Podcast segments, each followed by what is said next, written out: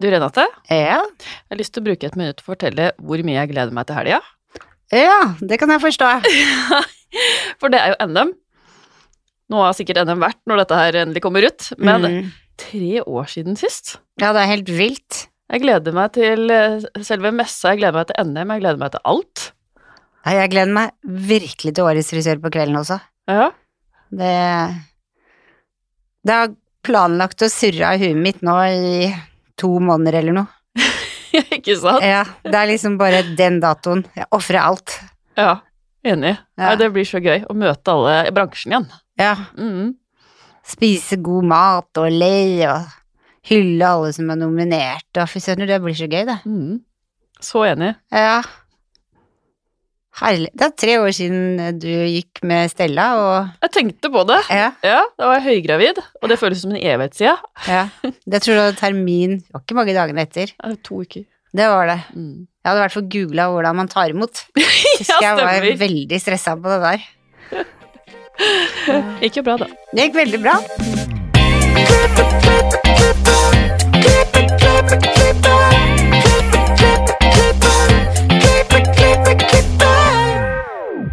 Velkommen til Hårpodden, jeg heter Renate. Jeg heter Ann-Marit.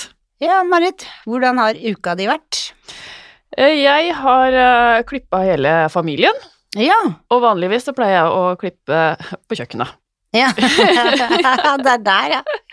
Men på lørdag så sa jeg at når jeg er ferdig på jobb, så kommer alle dit, og så klippa jeg alle på tur og rekke. Det var så deilig å sitte i salong og ikke på kjøkkenbenken og klippe barna. Ja, Mm.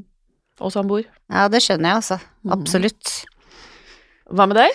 Jo, jeg har hatt en fantastisk uke som blei avslutta på fredag med verdens herligste gjest i salongen. Jeg tipper at hun var rundt 90 år. Hun var dement. Kjempeblid. Gulvet var det fineste hun hadde sett hele sitt liv. Hun drakk te og spiste en hel skål med sjokolade. Men så gikk hun veilederen, da. Da hadde jeg fått beskjed om at eh, jeg skulle prøve å ikke snakke om pris og sånn, da. Det måtte, fordi hun var jo dement. Så jeg svarte det som veilederen hennes svarte. At eh, du har blitt sjekka opp med hjemmet du bor på, du har masse penger, for du har ikke fått brukt penger på noen år, så dette har du råd til. Og jeg var ferdig klipt og nesten rulla opp, tror jeg hadde spurt meg seks ganger, og så spurte jeg igjen, og så ble hun bare kjempeirritert på meg, bare svar meg ordentlig, da, hva koster en permanent? Og når jeg sa prisen, så Altså, jeg måtte snu meg, jeg har så lett for å le når det skjer sånne ting som jeg ikke hadde sett for meg, men hun bare skreik ut at jeg var tjurad og skjeltring. Hun skulle flytte på landet, skulle aldri sette sine bein i min stol igjen. Hun var slem, og så lagde hun sånne smale øyer som hun satt og så på meg med Hun synda. Altså, hun blei så sint. Og så blei hun blid igjen, og så blei hun sint igjen. Og, altså, det, det er bare sånn herlig dag. Hvor lenge har du hatt henne? Jeg har aldri hatt henne før. Oh, ja, hun er ny.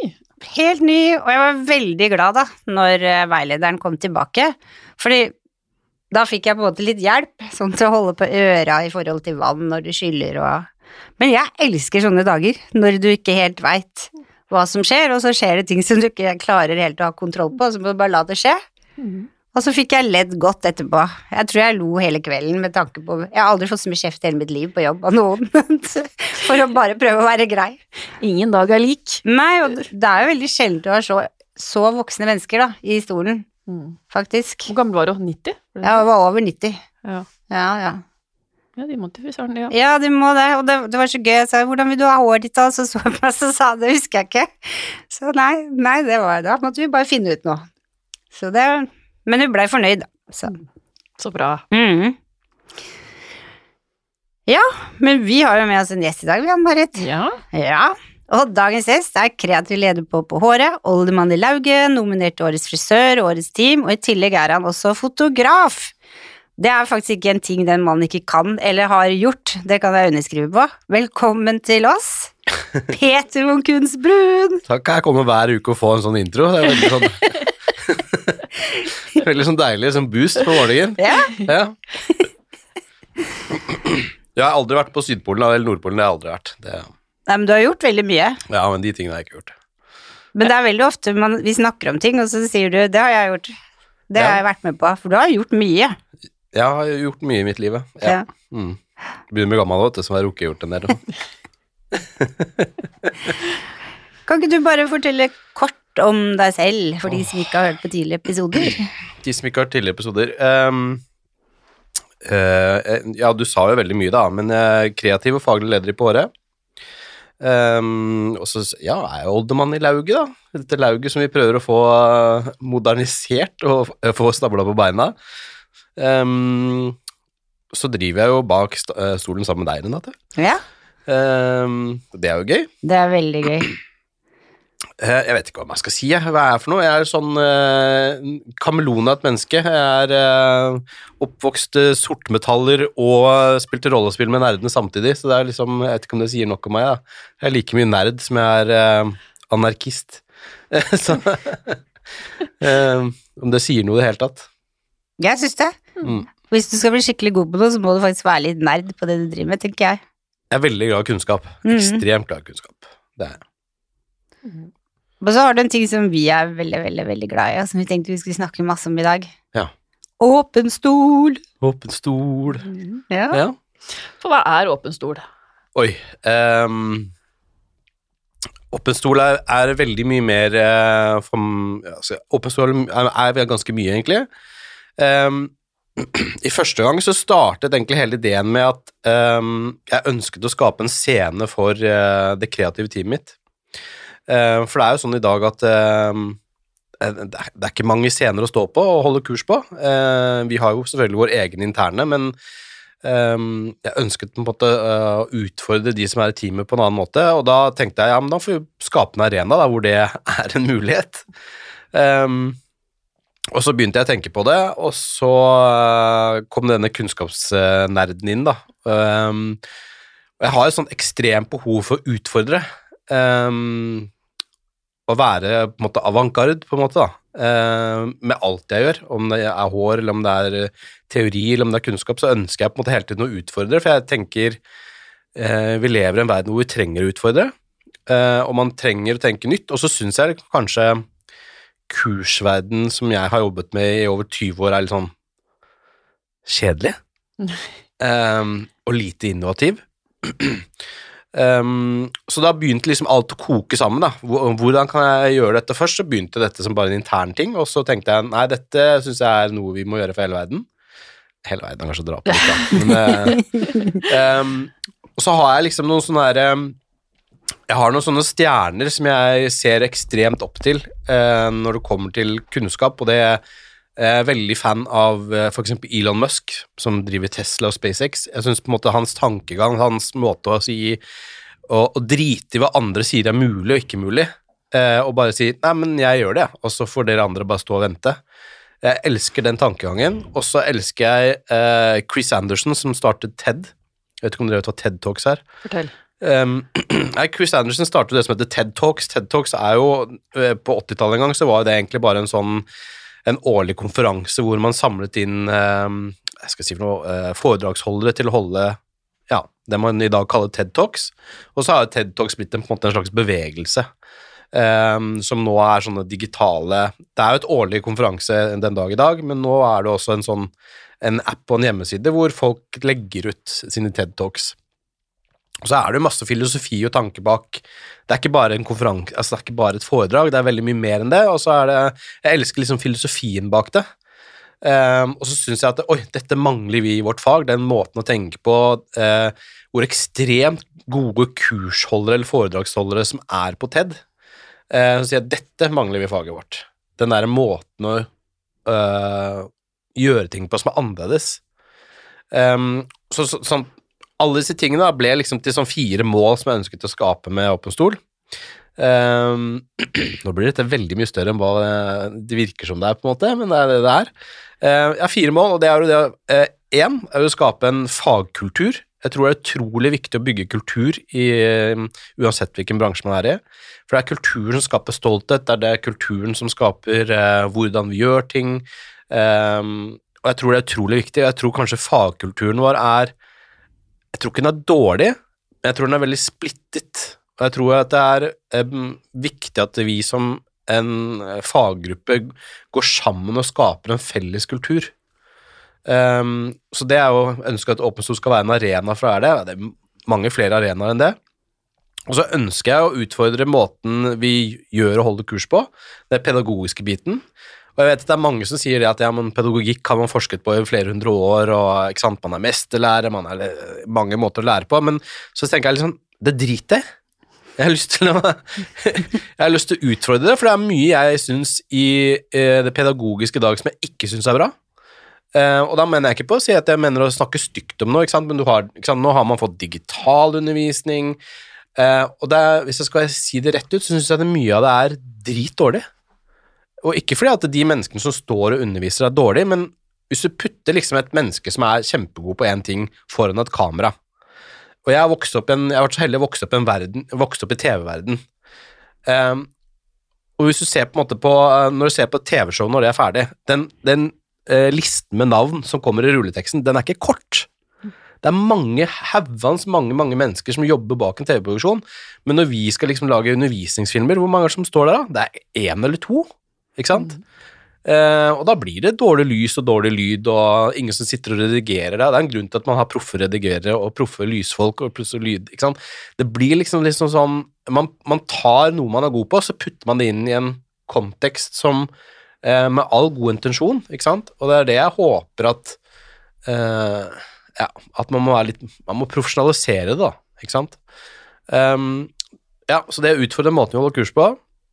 Og så er det selvfølgelig det å skape en arena hvor folk som ønsker å holde kurs, og folk som ønsker å være konsulenter, kan utvikle seg på. For det å liksom stå og holde kurs én, to, tre ganger i året, du blir ikke god av det. Du blir god når du holder kurs én, to, tre, fire, fem, seks, sju, åtte, ni ganger i uka.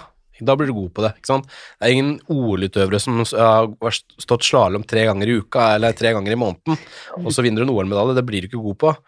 Så det å skape en arena hvor man har muligheten til å gjøre det oftere, da, ikke sant? og så muligheten til å bli pusha litt på det, eh, og satt krav til, for det er også noe jeg savner i, i kursverden. Det er jo ingen som setter krav til det, bortsett fra deg selv.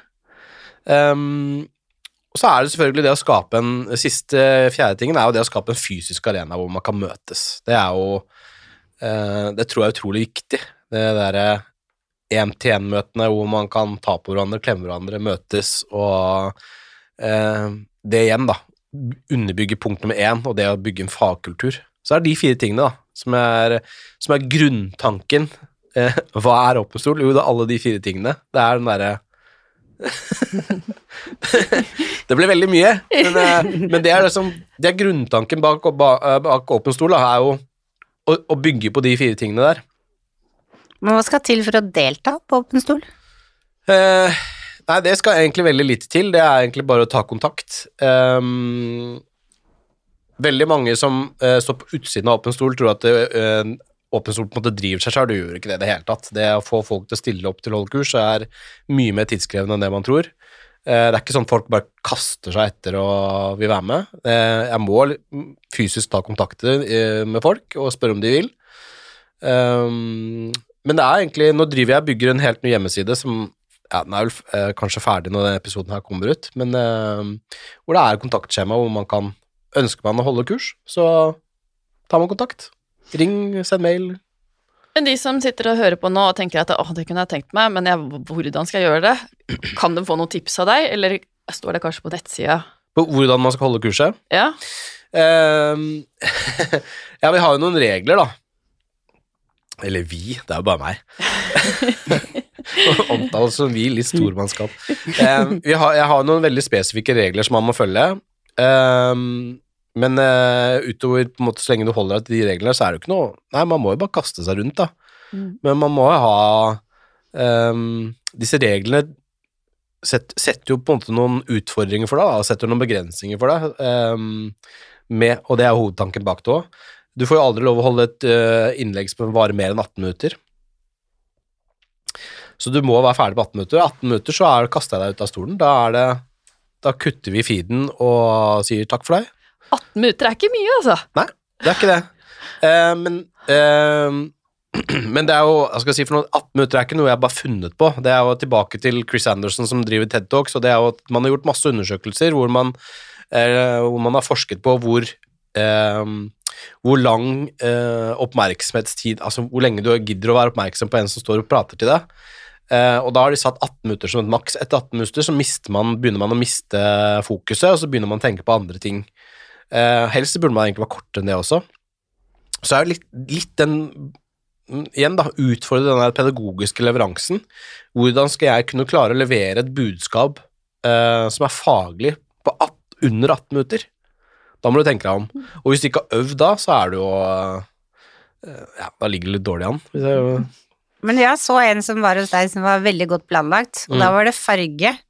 Og hvis det er 18 minutter på en fargeteknikk, så har du ikke så god tid, men hun har egentlig gjort modellen ferdig på forhånd. ja, du tenker på Katrin, du. Ja, Katrin. Og så viste hun bare selve teknikken på en annen modell, hvordan hun hadde smørt inn og sånn, Mm, og hvilke fargetyper hun brukte, og hvordan hun brukte flamboyasjene, da. mm. Det glemmer jeg aldri. Nei.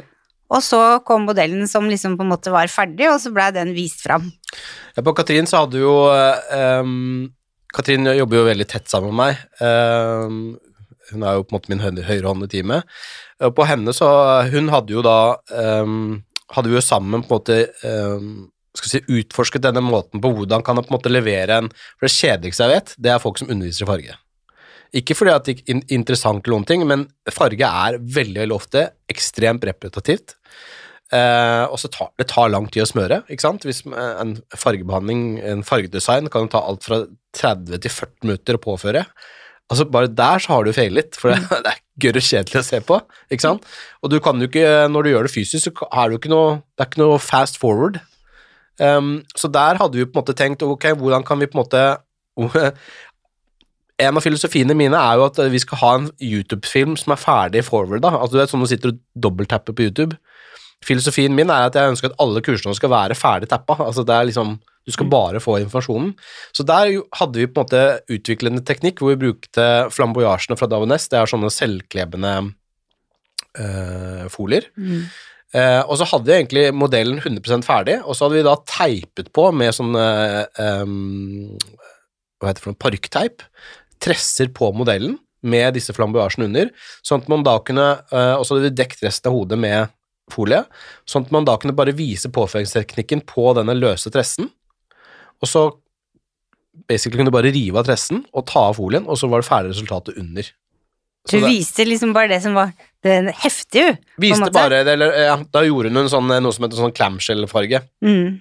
Eh, som er sånn eh, oljespill, eller hva man kaller det for noe. Sånn eh, Når du ser inn i skjellet, så ser du sånn derre Ja. Mm. ja, Mm. Jeg klarer ikke å forklare det. Ja, du ser sånn forskjellige farger som bare glimter ja. litt. Ja, skimmer. Så det var en sånn teknikk på hvordan du kunne påføre det, og det interessante er jo bare å se hvordan påføre det. Ikke sant? Og det, det tar fem minutter å vise.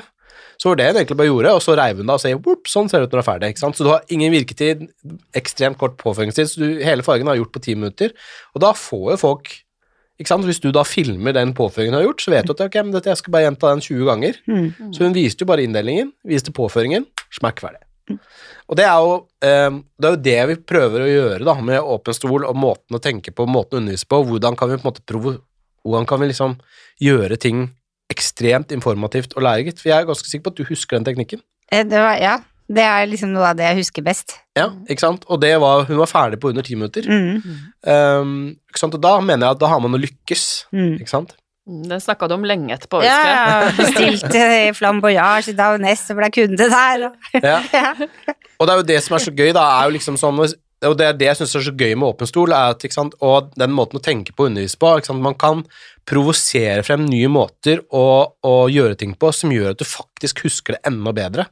Ikke sant? Og det er jo pedagogisk godt gjennomtenkt, Ja. det man gjorde der. Ikke sant? Man eliminerte alt det som var uviktig, og så satte man igjen med kun den kunnskapen du skulle gjøre. Mm. Og det er det jeg på en måte håper å gjøre, og det jeg tror er utrolig viktig for alle de som også driver digitalt, for det er der de feiler. Altså digitalt feiler man big time i, i, bransjen generelt, ikke sant, fordi at man man gjør, man tar det man gjorde på scenen, og så setter man det egentlig bare foran et kamera.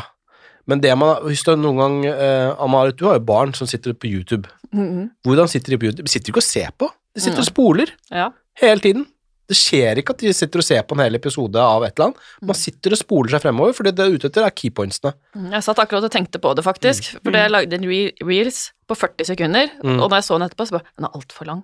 Og det var 40 sekunder! Ja, ja, jeg ja, måtte jo sant? korte ned. Ja. Så det er Det må gå kjapt. Så jeg Og da enig. må du, før du begynner å, å, å ta opp, eller før du begynner å recorde, så må du ha gjennomtenkt hva må jeg ha med, ikke sant? For hvis du bare gjør det på samme måten og prøver å klippe det bort, så mister du alle poengene, ikke sant? Så du må på en måte prøve å Du må lage et manus på forhånd som er på 30 sekunder eh, i åpen stol siden under 18 minutter, da. Og vi har jo hatt instruktører som er bare sykt flinke folk, som bare stresser hjernen av seg, fordi at man prøver å dytte all kunnskapen man vanligvis gjør på fem Altså, de er vant til å gjøre eksempel klipper, da, som står en time og klipper, så er de vant til å prate, prate, prate, prate, prate, bla, bla, bla, bla. Og så må man i ettertid spørre seg hvor mye av kunnskapen sitter du og jeg igjen med hvis han står og prater en time? Jeg tror det er egentlig veldig lite, ikke sant? Um, og når, når du prøver det, da, bare kompakte det ned til 18 minutter, da feiler du big time. Men det, det blir jo litt sånn hvis du, Det er sånn pedagogisk, da. Hvis du snakker med mennesker som snakker 17 ganger rundt grøten, Ja. da har jeg falt av de ti første sekundene. Mm. Jeg syns det er lettere hvis man går direkte på poenget, for da veit jeg hva det er snakk om. Mm. Hvis ikke er det vanskelig å sortere ut hva er det som er viktig i den samtalen, hvor er det du vil hen, og så begynner tankene å spinne andre steder, og så får jeg ikke med meg hva som skjer. Nei. Men det, er det, som er så, det er det som er så vanskelig med disse tingene her, er at uh, jeg har jo stått på en scene i over 20 år. Um, og det å stå på en scene foran 5 eller 50 eller 100 eller 1000 mennesker, det er også veldig, veldig krevende, fordi at du skal på en måte um, Du skal holde dette publikum i gang i kanskje en time, i kanskje to timer, ikke sant? Og det krever veldig mye av deg, ikke sant? Du, da må du være litt sånn showman, showwoman, ikke sant? Hvor du crack noen jokes og være livlig og ikke sant, holde dem i gang. Ikke sant? Men problemet er at når du tar det over i et nytt format, Det blir ikke det da får du et stort problem. For at det er, da har du ikke tid til den der smalltalken. Det er ikke smalltalken som er viktig, det er poengene. Mm. Ikke sant? Det er pedagogikken, eh, og det er jo det som er utfordringen. Ikke sant? Kan jeg da spørre om de, i løpet av de 18, 18 minuttene bør man crack a joke, som du sier? Syns du det? du skal planlegge ganske hardt. uh, hvis du skal, det kommer helt an på hva du skal gjøre, da. Ja. Sant? Det er jo Jeg tror eh, Jeg har lagd noen sånne filmer som ligger ute på YouTube, hvor jeg gir noen tips til hva, hva man burde og ikke burde gjøre. Um, og jeg tror Sånn som på uh, åpen stol, så er det best liksom å si ok, nå skal jeg holde et innlegg som er så og så langt, så må jeg ha noen enkle poenger. Eh, aldri mer enn to eller tre poenger. Og det å prøve å lære noen 50 ting på 18 minutter, det går jo ikke.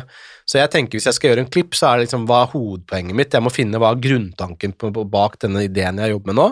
Og så si ok, men hvordan får jeg frem det? Og så er det jo sånn at eh, man vet jo fra pedagogisk ståsted at det, og det å gjenta er viktig, ikke sant? Så man skal jo helst gjenta ting tre, fire, fem ganger, helt opp til syv ganger, for at folk skal huske det.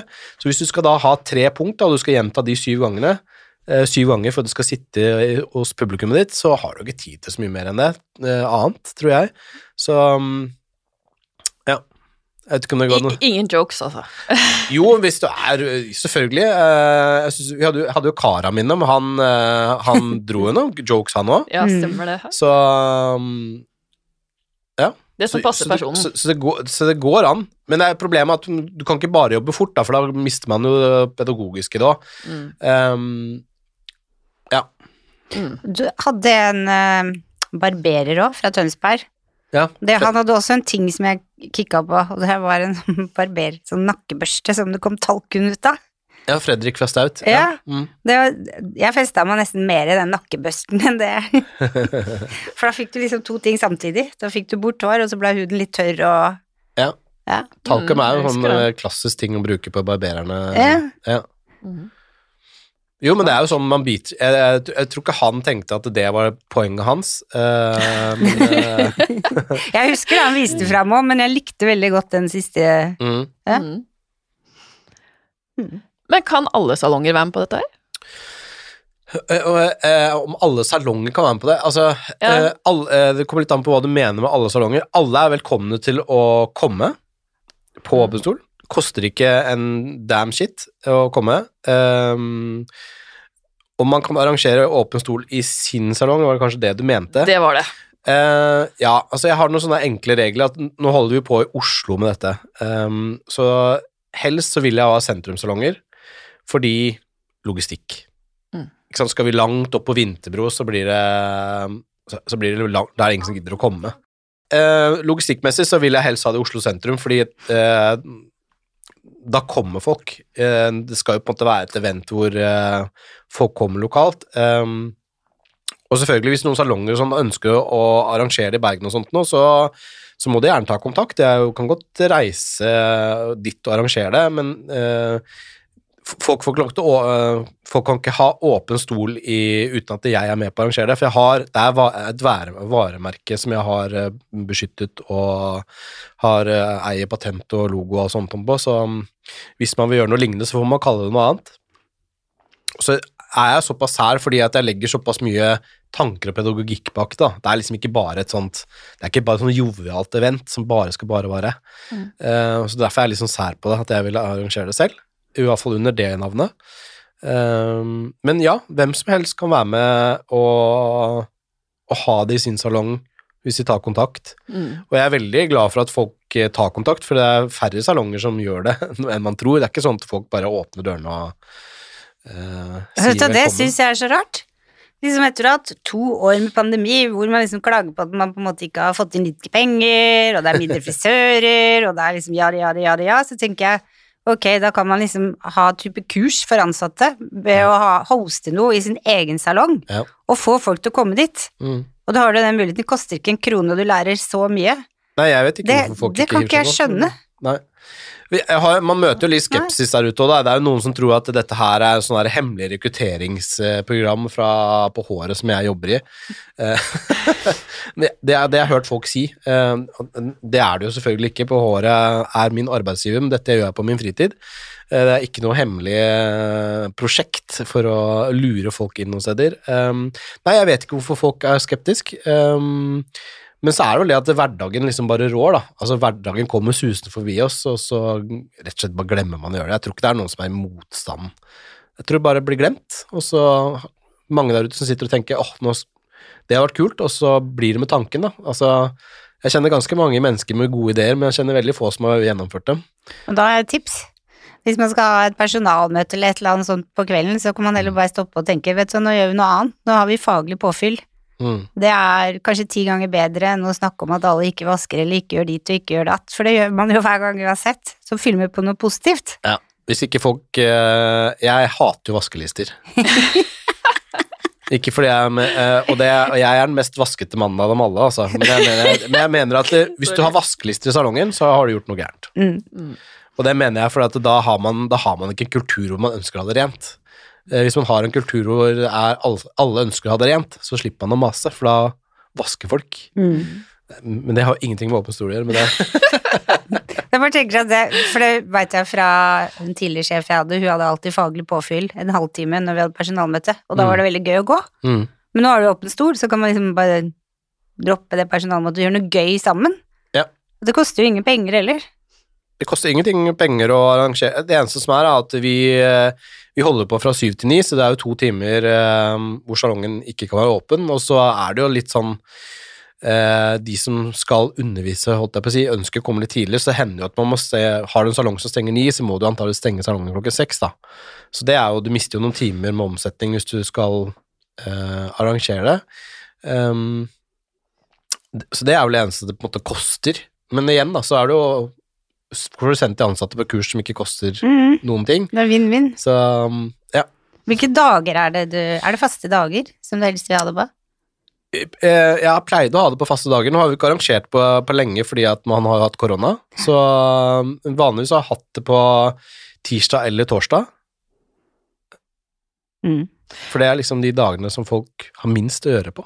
Fredag er jo Da skal folk på byen og spise taco med familien, og, og onsdag er en sånn rar dag. Så mm. det er midtukene. Tirsdag, onsdag, torsdag er det vel det vi har holdt oss til. da. Mm. Men det er nok ikke så mange som veit at det har starta igjen, eller har Nei, det starta igjen? vi har ikke startet igjen uh, fordi at man, jeg har vært uh, vi, vi er jo bare en fysisk ting. Mm. Vi er bare et fysisk event. Jeg nekter jo å gå digitalt med det. Um, for, som, som, som jeg sa, at hvis jeg skal gå digitalt, så har jeg så høye forventninger av hvor bra det skal være, at det blir helt urealistisk. Um, og så har jeg liksom ikke Jeg kan ikke skjønne hvordan jeg skal klare å få det til å bli en digital, digital ting. Um, I hvert fall ikke uten at man må begynne å involvere penger. Altså, jeg, det her er jo egentlig verdens dårligste businessidé, for jeg tjener jo ikke en krone på det. til nå så har det bare kosta meg hauger av penger. Eh, med innkjøp av utstyr og 3D-ruter og mikrofoner og høyttalere og um, Så har jeg vært med til verdens største minusprosjekt. Så um, og jeg tror skal bli en digital ting, så må det kommersialiseres på en helt annen måte. Da må du ha penger inn. Mm. Eh, Jeg kan ikke drive det på fritida da. Mm. Så det um, Nei. Men nå er det liksom eh, nettsida di oppe og står Mm. når denne episoden her kommer ut. Ja. Er det noen planer for når du tenker du skal starte det opp igjen? Jeg eh, ønsker jo og nå i løpet av våren å begynne å etablere at vi henter inn kurshold, folk begynner å melde seg på som kursholdere, begynner å jakte kursholdere, så håper jeg at vi kan starte for fullt til høsten. Um, og Det er jo ikke meningen at vi skal gjøre dette mer enn seks ganger i året. Jeg har noen sånne gamle invitasjoner som jeg skal huke opp igjen. Um, jeg vet at Alma og Eva ønsket at vi skulle komme til dem og gjøre det hos dem på akademiet deres. Så jeg er jo huket tak i Kristin der og høre om det fremdeles er interessant. Og så får man se eh, Hente litt sånne gamle gamle kontakter, og så ryker jeg. Så håper jeg at vi holder til høsten, så er det så er vi i gang igjen. Og så får man bruke nå våren til å på en måte, skal jeg si, for noe, spre budskapet, eh, gjøre det varmt igjen, da. Mhm. Det er liksom det å ha, ha et sånn edruelig forhold på hva som er mulig å få til. Uh, så får man se om man klarer å få noen sponsorer der som kan hjelpe til med å gjøre ting litt uh, Drifte ting, da. Alt disse tingene koster jo, så um, jeg må finne en eller annen måte å finansiere noe av det på. For det er jo Selv om nå lager jeg hjemmesidene selv, um, uh, men det koster penger å ha og drifte, så skal vi får se. Så har jeg noen drømmer og tanker om hva Åpen stol skal bli til slutt òg, da. Kan du fortelle? Um, nei, jeg ønsker jo å skape åpen stol ikke bare for oss som driver til daglig, men jeg ønsker på en måte at åpen stol skal bli for å bygge fagkultur. Ehm, jeg ønsker at åpen stol skal kunne hjelpe lærere å få kunnskap. Ehm, det er mange, mange utrolig dyktige lærere på VG1 og VG2 ehm, som er flinke til å få skal si, for å bli oppdatert, men jeg tror det er mange som også på en måte syns det er vanskelig. Så det håper på at Åpen stol skal bli en kanal for de å kunne få kunnskap. Kanskje vi kan ta Åpen stol inn i skolene, Um, hvor vi kan på en måte ja, gjøre Åpen skole for eh, lærerne. Da. At lærerne kan stå og se på, og så kan vi hente inn kursholdere og arrangere sånne åpne stoler på skolene. Uh, og sånne ting, da. At det kan bli en sånn litt større ting. Uh, for det er jo det lærerne trenger. De trenger jo ikke de trenger jo ikke å sitte en hel dag og se på Vidal Sund klippe. Det de trenger, er masse info på kort tid, som de kan bare ta med seg og bruke i klasserommet i morgen. Ikke sant? Og derfor tror jeg det formatet er veldig, veldig bra. Mhm. Mm, Gøy. Jeg er helt enig. Hva syns du er det beste med dette konseptet? Som må Eh, trekke fram én ting. aller beste jeg syns med konseptet eh, Nei, det er det at vi bygger fagkultur. At vi bygger um, kultur rundt det å være frisør. At det er gøy, kult, eh, spennende. Tar tilbake litt det der eh, stoltheten i faget, da. Mhm. Det syns jeg er spennende. Det er det jeg syns er det gøy med det. Og selvfølgelig det derre at det er en arena hvor ingen kan fortelle meg hva jeg ikke får lov til. For det er, det er bare meg, det er mitt. Så det er ingen som kan si meg eh, Nei, det, det går ikke. Ikke sant? Og det, for det møter man jo i hverdagen når man jobber. Ikke sant? Jeg har jo, som jeg sa, ekstremt behov for å på en måte være avantgardistisk da, hele tiden. Pushe grensene hele tiden. liksom sånn, men, Ja, men hvorfor gjør vi det? Hvorfor kan vi ikke gjøre det sånn? Ikke sant? Mm, Du sier hvorfor ikke? Ja, Ja. hele tiden. Ja. Ikke sant? Men her er det ingen som skal fortelle meg ikke sant? Og jeg jobber med opplæring, jeg jobber med de ja, men, ikke sant? Vi, må, vi må følge læreplanen, bla, bla, bla, ikke sant? hele tiden. Men her kan jeg bare si nei. Fuck alt det. Jeg gjør akkurat hva jeg vil. Jeg gjør det på min måte. Sånn. Her er mine regler. Så Eh, Og så er det hele tiden for å pushe grenser, da. Mm. Ja, jeg digger prosjektet, det vet vet jeg du gjør òg. Ja, veldig. Så vi vil gjerne at det starter opp i morgen. Ja, helst. Ja, helst. Nei, altså Så fort anledningen byr seg, så er man jo på, selvfølgelig.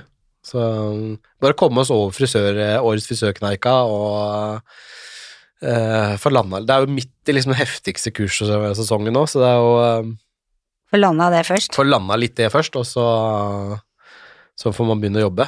Men det er jo selvfølgelig Er er det salonger som hiver seg på og sier 'vi er klare i, i morgen', og, og man har fire-fem kursholdere, så så er det jo bare å kaste seg rundt. Det er ikke noe Da er du klar, liksom? Ja, ja, jeg er ikke stopp på meg. Det, jeg er ikke vond å be, jeg, altså. Så Ja, det er en bra måte å få fokus på salongen sin på, da. det er ekstremt mm. bra måte å få fokus, eh, og det er så mye Det som er så kult, det er så dritmye lekre salonger i denne byen her. Og i andre byer, altså, er ikke det jeg sier. Men uh, så er det det der å få møte, uh, møte folk utafor sin egen boble. Og da mener jeg ikke bare liksom sånn hvis man jobber i Adam og Eva eller Moderne Design eller Nikita eller hvor fankeren meg jobber, men utenfor sin egen leverandørboble, for det er sånne der, leverandørene også sånne bobler. ikke sant? Loreal sine kunder, de er inne i Loreal-bobla. Tendens er tendensbobla, ikke sant. For de er, vi jobber med Joiko, vi jobber med Vella, ikke sant. Det blir sånne bobler.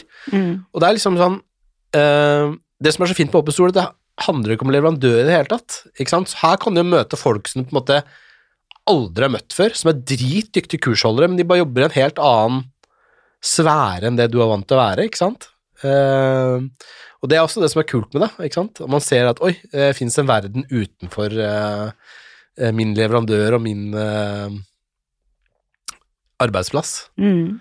som er veldig, veldig stor, ikke sant? Og det, det er utrolig morsomt å se at det finnes mye genialt der ute, ikke sant? For man blir jo liksom sånn sånn jeg, jeg jobber med L'Oreal, det er det beste, ikke sant? Og så, så, Man blir det. og så finnes det noen der ute som jobber med andre merker som er, like gode, kanskje bedre, ikke sant? Mm. Uh, men man blir liksom låst i sin egen boble.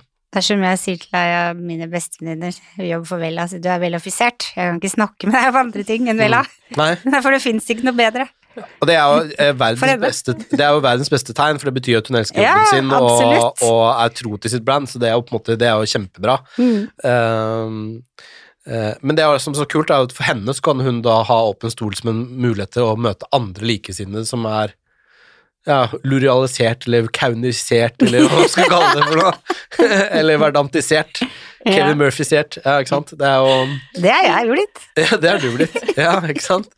Ja, man blir jo det, ikke sant? Man Mm. jobber på en arbeidsplass, og så er det det som er nære, nære deg, som, som man binder seg til, da, ikke sant? Mm. Men her er det en åpen arena som er åpen for alle. Åpne sinnet ditt litt. Ja, Ja. ikke sant? Og det er derfor jeg er så takknemlig for å kunne være her, for det jeg også syns Hårpodden er eh, Reklame for Hårpodden. er jo at eh, Hårpodden er jo en nøytral arena. ikke sant? Det er ingen, eh, det er ikke kjøpt og betalt, det er ikke noen leverandør som eier det, det er ikke noen frisørselskap som eier det, og det gjør at man på en måte føler at man kan komme inn og ehm, å være en del av noe større, da, ikke sant? Uten at det på en måte betyr noe. Mm. Det syns jeg er utrolig eh, vakkert. Ja, men det er jo det. Ja. det, det takk, det syns vi òg. Ja, Vi lærer så mye òg, Ja. av alle. ikke sant? Det, Jeg syns det er sånn utrolig sånn uselfisk, da, som er eh, ekstremt bra for bransjen. Vær så Ja, god. det var hyggelig å høre. Ja. Nå ble det helt rød i ansiktet. ja. Eh, vi har noen faste spørsmål også, vi, Petter. Skyt løs. Ja. Har du noen tips til frisører som vil opp og fram? Oh, oh, eh, det skulle vært kort svar, dette her, eller? Nei da, ta den tida det trenger. um, tipset er um, lidenskap. Altså, det er um, Vil man noe i verden, så ehm, så, så må man liksom ofre noe. Eh, det er ingenting som kommer enkelt, eh, og jeg tror veldig mange unge mennesker må, må lære seg det at det, det er ingenting som heter Altså, det, det er hardt arbeid. Um, det finnes en million mennesker som prøver å åpne opp YouTube- YouTube-kanaler, Instagram-kontoer og TikToker og det ene og det andre uh, og sånt noe, som tror at liksom det, det er så himla enkelt, og det er det ikke. Det, er, eh, det fins ikke en mesterkokk, det fins ikke en mesterfrisør, det fins ikke noen som driver noe på et ekstremt høyt nivå, som ikke ofrer absolutt alt. Um, og det, det, det er nedturer, det er oppturer, øh, og så må man bare ta det for det det det er. Så, men jeg tror man må liksom, man må liksom vie seg til det. Og så må man øh, la det bli en stor del av seg. Og det å liksom tro at man skal bli stjerne bare ved å liksom pusle litt på siden, det, mm, Det tror jeg funker dårlig. Så det er liksom eh, er, Nå skal ikke jeg stå her og påstå at jeg er noen stor stjerne, men, eh, men jeg har ofret ekstremt mye for å komme dit jeg har vært. Eh, trent antageligvis mer enn de fleste, og, og, og jobber med faget 24-7. Um, og jeg tror det er, det er jo noe av det som er suksessen bak, ikke sant. Så um, hardt arbeid, og virkelig liksom være lojal til det. Se alle episodene av Chef's Table, og hvis du ikke skjønner noe når du er ferdig med det, da har du et lite problem. Ja. Hva inspirerer deg? Åh, det er Chef's table. eh, eh, Lidenskap inspirerer meg, kunnskap inspirerer meg. Eh, jeg prøver liksom å se, um, se det positive i absolutt alt. Um, en ting jeg lærte av, av Vigdis, som um, var grunnlegger for Påra, var det liksom det derre å hele, hele tiden se det positive i andre. Um, så jeg tror det er kanskje min største drivkraft. Det hele tiden liksom se at det, det finnes kunnskap og, noe, og et lærepoeng i alt. En dårlig kursholder er, eh, har også noen gode poenger. Ja. But, ja. Alt av kunnskap jeg kan få inn, det inspirerer meg. Om det er eh, trendkonferanser, eller om det kan være Jeg så den siste tingen jeg så på TED Talks, som jeg bare syntes var utrolig vakkert. Eh, skal se om jeg klarer å finne på, for det, det klarer ikke jeg å hoste opp hva hun snakket om. Eh, men jo, det var eh, The Joy of Leksografi. Altså det er en amerikansk eh, dame som snakker om eh, Leksografi er jo hvordan, hvordan man setter sammen ord, og så eh, hvordan leksikon er bygd opp. Det høres jo bare helt trist ut. Men måten hun prater om det på, og tankene hennes bak um, eh, Tanken hennes bak Bare, bare, bare se den TED-talken, den varer i tolv minutter, så det, har, det, det kan man vie livet sitt til. Den heter bare The Joy of Textography. Altså, bare måten hun underviser på, da blir jeg bare sånn wow, for en kul tankegang. Mm. Og det å bare tenke utenfor boksen på noe så kjedelig som typografi, ikke sant. Og her sitter du dysletiker og sier det. Uh, men det er bare det. ah, Sånne ting. Da blir jeg bare sånn wow, dette er kult, dette vil jeg ta med meg videre. Mm. Ja, det blir inspirert bare av å høre på, jeg. Hvis du kunne forandre på noe med frisørbransjen, hva ville du gjort? Oi, det er, det er farlig spørsmål å stille meg. Ehm, ehm, det, det er mye jeg kunne tenkt meg å, å endre på, men det, et stikk jeg har lyst til å komme inn til bransjen, er um, For å være så kreative som vi påstår vi er, så syns jeg vi er jævlig lite kreative. Um, jeg syns liksom sånn vi, vi gjør det samme alle sammen. Man tror man sitter og er liksom så eh, himla innovativ inni hula si. Bare, dette er vi de første som tenker på, dette er vi eh, Og så ser man at når man launcher det, så er liksom alle andre sammen. Um, så jeg syns liksom bransjen er litt, eh, litt lite innovativ. Litt lite Rett og slett litt pysete på å launche helt annerledes konsepter. Tenke utafor boksen.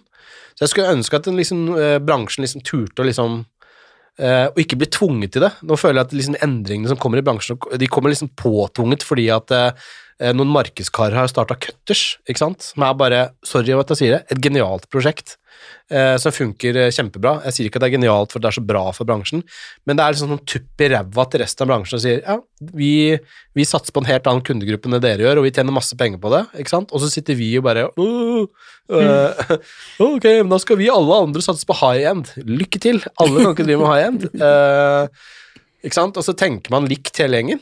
Uh, s- s- ja, skulle jeg ønske man tenkte noe, gjøre noe annerledes i bransjen. Eh, tørre å gjøre noe annet enn det alle andre gjør, og prøve å tenke utafor boksen. For jeg syns ikke vi er kreative i det hele tatt. Dessverre. Vet ikke. Den der kommer jeg til å få svi for, skjønner jeg. Nei, nei, nei. Men eh, det er ønsket mitt, å tørre å gjøre noe annerledes. Hvorfor er det ingen som har åpnet i, i Skandinavia Vi, vi bor i Skandinavia, hvor, eh, hvor det finnes nesten bare blonde mennesker. Hvorfor er det ingen som har laget en salong som bare heter Blonde Hair? Som bare er for blonde hår. Kun driver med lystingsfarger. Ja, Hvorfor? Det er sant. Det er 80% av kundene som går der ute. I morgen så starter en sånn salong, vet du. Ja, regelen er at kommer det inn, går det inn i salongen med mørkt hår, så går du ut med lyst. Nei, men altså. Hvorfor er det ingen som har spesialisert seg på det? ikke sant? Man har noen som har spesialisert seg på parykker og sånt, Apollo og sånt, og som jobber med sånne ting, ikke sant? som bare jobber innenfor den nisjen, og det funker jo. Hvorfor er det ingen som har gjort det? Ja, du har barbershops, nå. Ja, Barbershop var det jeg skulle si. de- de skal få har ha det. Men, eh, men det er jo ikke noe nytenkning, det er jo på en måte en gammel kultur som he- bank i bordet har kommet tilbake. Eh, men det er, det er ingen som har gått sånn ren color salong, ren blond, ren spesialister altså Det er liksom sånn Jeg syns det er rart at det ikke har kommet en, en, en salong som bare driver med brudehår, jeg, for eksempel. Det, er det finnes jo nesten ikke en frisør i landet som setter opp eh, brude opp Alle sitter jo skjelver i buksa når det kommer brud inn. Hvorfor er det ingen som har da laget en ren brudesalong? Ann-Marit? Ja, kanskje jeg skal det?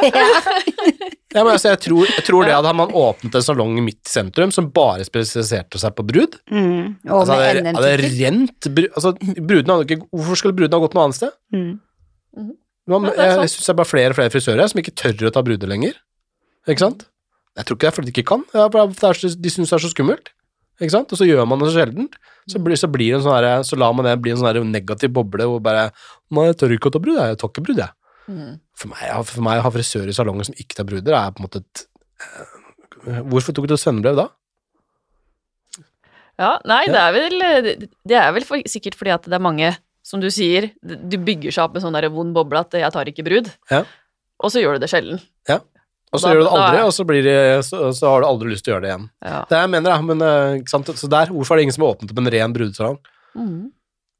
Håper jeg det er mange gründere som sitter og hører på, som hører dette her. Nei, Jeg tenker de som på en måte For eksempel Nikita, da, som har 100 milliarder salonger.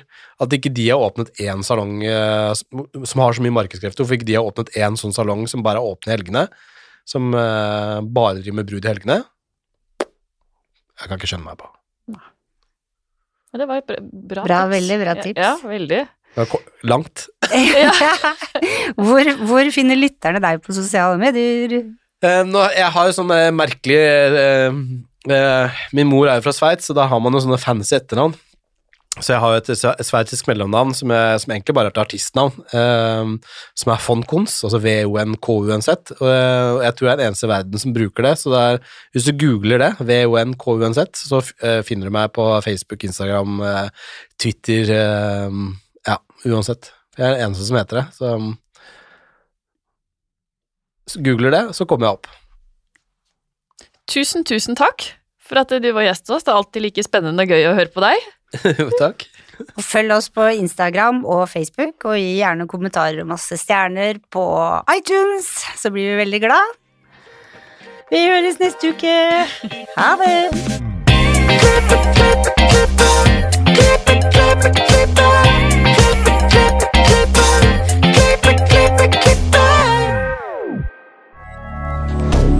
Moderne media. Har du et enkeltpersonforetak eller en liten bedrift? Da er du sikkert lei av å høre meg snakke om hvor enkelt det er med kvitteringer og bilag i fiken, så vi eh, gir oss her, vi. Fordi vi liker enkelt. Fiken superenkelt regnskap.